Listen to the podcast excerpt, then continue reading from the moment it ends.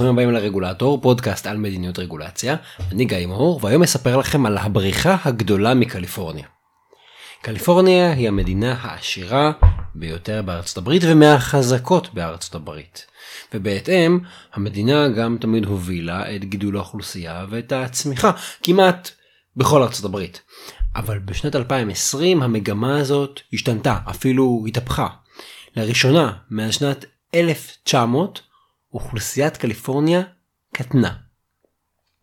ונראה שזה לא איזה משהו מקרי או איזשהו אה, טעות דגימה אולי בנתונים, אנחנו רואים שמי שיכול בוחר לעזוב את קליפורניה. למשל הקומיקאי ומגיש הפודקאסט ג'ו רוגן והיזם אילון מאסק.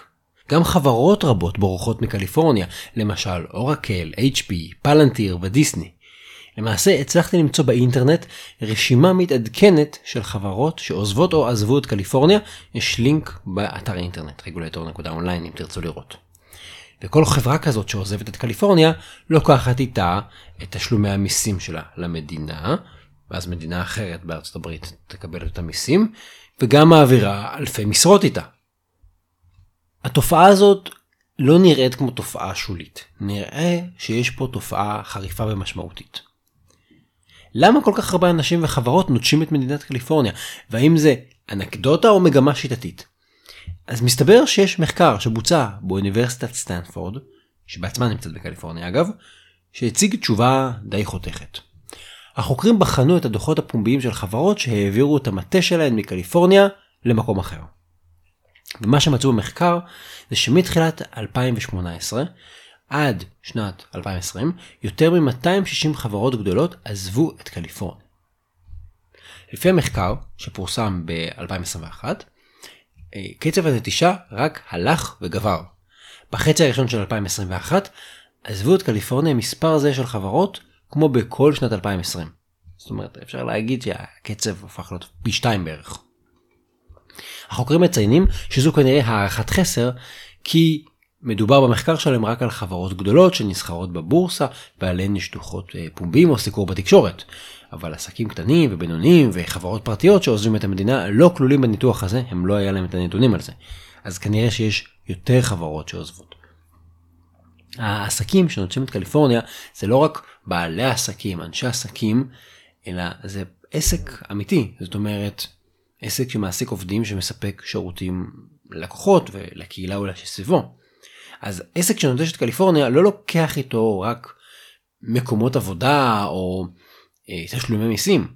כשעסקים רבים נוטשים נשאר חלל במרקם החברתי והכלכלי. למשל תחשבו על אה, עיירה שנסגרים בה אה, שני בתי מרקחת, מפעל ובית קולנוע. הקהילה עצמה מאבדת שירותים. הממשלה מצידה כמובן מפסידה הכנסות, מס הכנסה, מס חברות, והמקבילה האמריקאית של המע"מ, יש להם מעין מס קנייה כזה.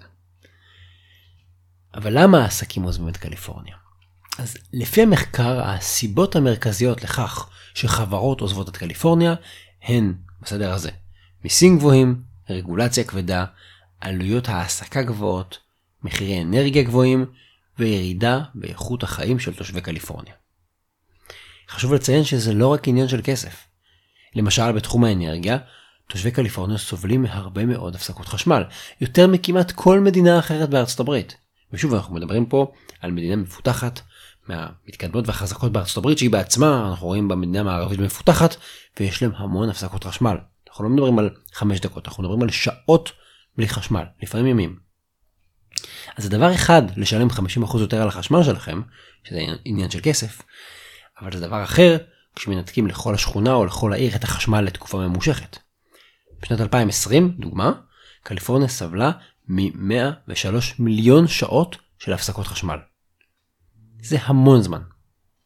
עכשיו בואו נסתכל על דוגמה לרגולציה שמבריחה חברות מקליפורניה. תביעות צרכניות. קליפורניה היא אחת המדינות שהכי מאפשרות תביעות צרכניות גם במקרה שלא נגרם נזק. לדוגמה, צרכן יכול להגיש תביעה על סימון או שיווק מטעה, גם אם אין סיכוי שמישהו הוטעה וגם אם לא נגרם נזק לאף צרכן. מה שקורה בפועל זה שצרכנים באמת מנצלים את האפשרות הזאת ומגישים תביעות ותביעות ייצוגיות בסכומים של מיליוני דולרים על דברים זניחים לחלוטין. אני מצרף באתר האינטרנט בעמוד של הפרק לינק בסטנדאפ שמציג כמה מהדוגמאות ההזויות אבל המאוד מאוד מצחיקות על תביעות ייצוגיות צרכניות לא כולן בהכרח מקליפורניה אבל תוכלו לקבל את תמונת העולה המצב הכללית. אז מה שקורה זה שחברות שפועלות במדינה כמו קליפורניה או מדינה שמאפשרת כאלה תביעות, מוצא, החברות מוצאות את עצמן חשופות לתביעות ענק. ואז הן גם מנהלות משפטים, המשפטים עצמם הם ארוכים ויקרים. זה קורה גם במצב שברור שלא נגרם נזק לאף אחד. עדיין צריך לשלם לעורכי דין ולמומחים ולעדים המון המון כסף ולנהל את המשפט הזה. אז עצם החשיפה לתביעות וההוצאות המשפטיות העצומות הן סיבה אחת לעזיבה. וגם היקף הרגולציה הוא חלק מהבעיה. הרגולציה הפורמלית של מדינת קליפורניה מתפרסת רק על 395 אלף עמודים, כמעט 400 אלף עמודים, והיא מופעלת על ידי לא פחות מ-518 רגולטורים מדינתיים שונים. 518 יחידות רגולטוריות שונות. וכמובן שצריך לזכור שזאת רק הרגולציה המדינתית של קליפורניה. זה בא בנוסף לרגולציה הפדרלית, אנחנו מדברים עליה פה די הרבה, רגולציה שנקבעת בוושינגטון DC על ידי הממשל, הנשיא, הקונגרס, וגם בנוסף לרגולציה העירונית. אם אתם גרים למשל בסן פרנסיסקו, יש לכם על הראש רגולציה פדרלית, רגולציה מדינתית ורגולציה עירונית. אז ברמה המדינתית קליפורניה נחשבת למדינה עם רגולציה מחמירה בהמון המון תחומים. דיני עבודה, הגנה על הסביבה, בטיחות בעבודה, אנרגיה ועוד תחומים. וכל עסק צריך להתמודד עם הרבה רגולטורים שונים וכל אחד מהם מחמיר בתחומו. הבעיה היא שגם המצב הזה של רגולציה מחמירה הוא לא מצב סטטי.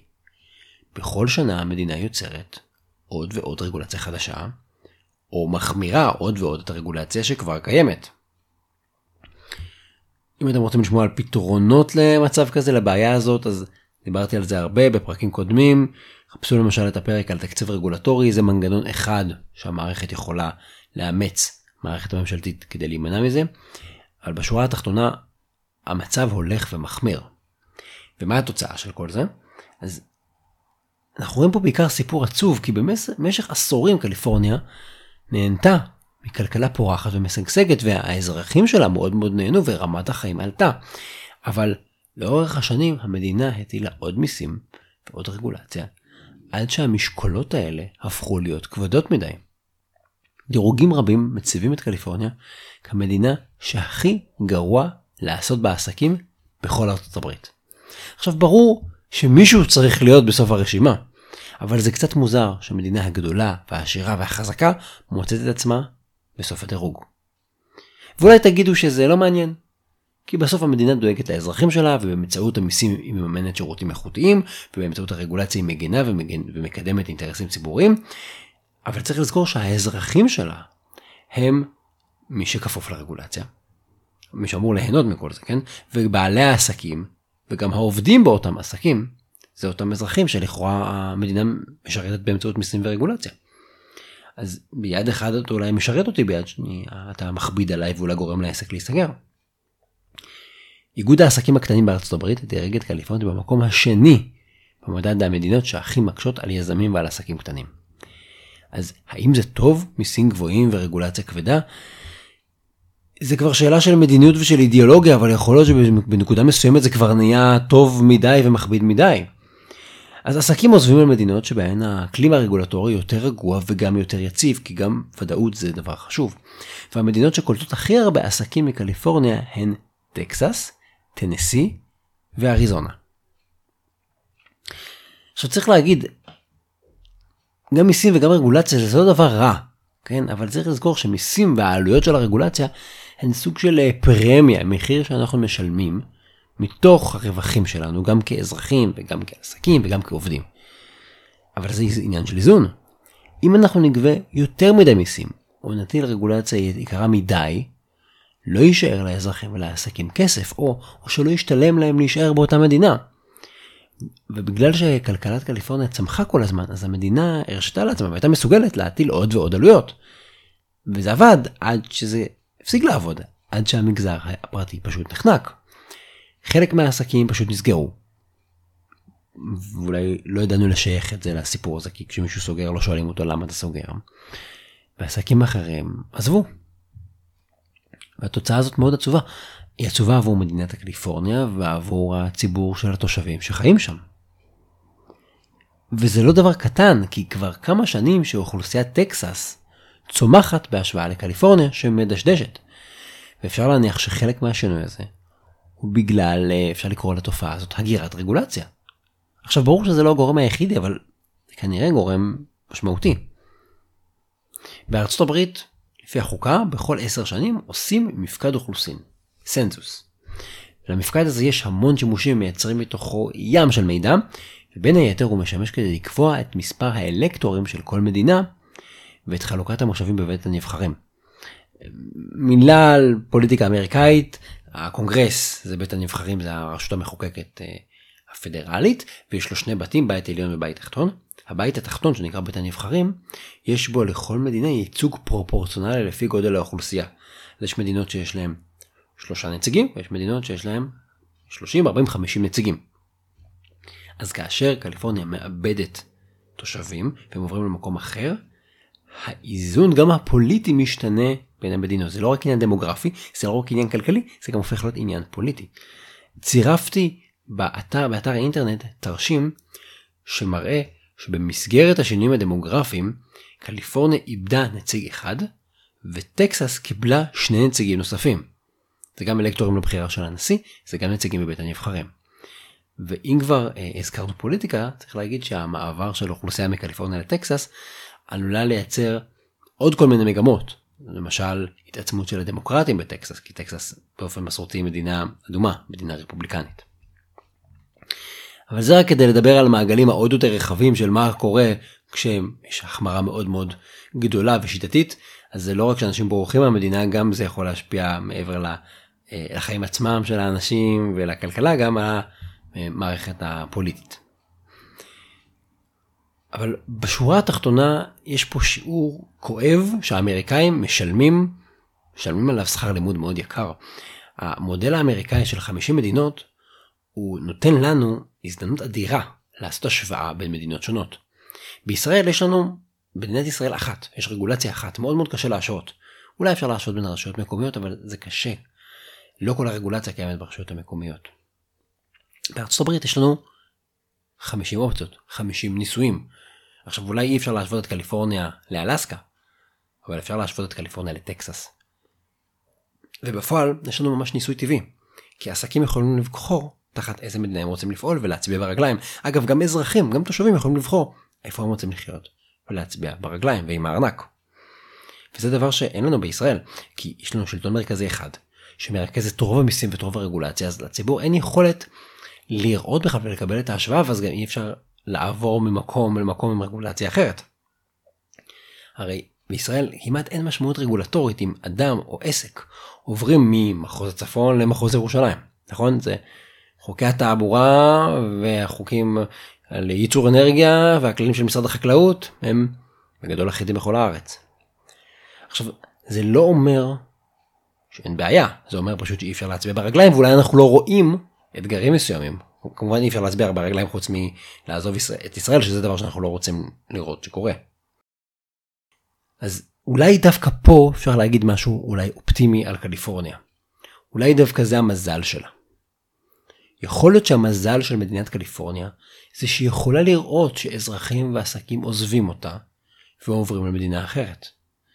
ואם היא תראה שיש בעיה, היא אולי תוכל תחליט לתקן. כי השלב הראשון לפתור את הבעיה זה להיות מודעים לקיום שלה. ומצד שני מה השיעור שלנו?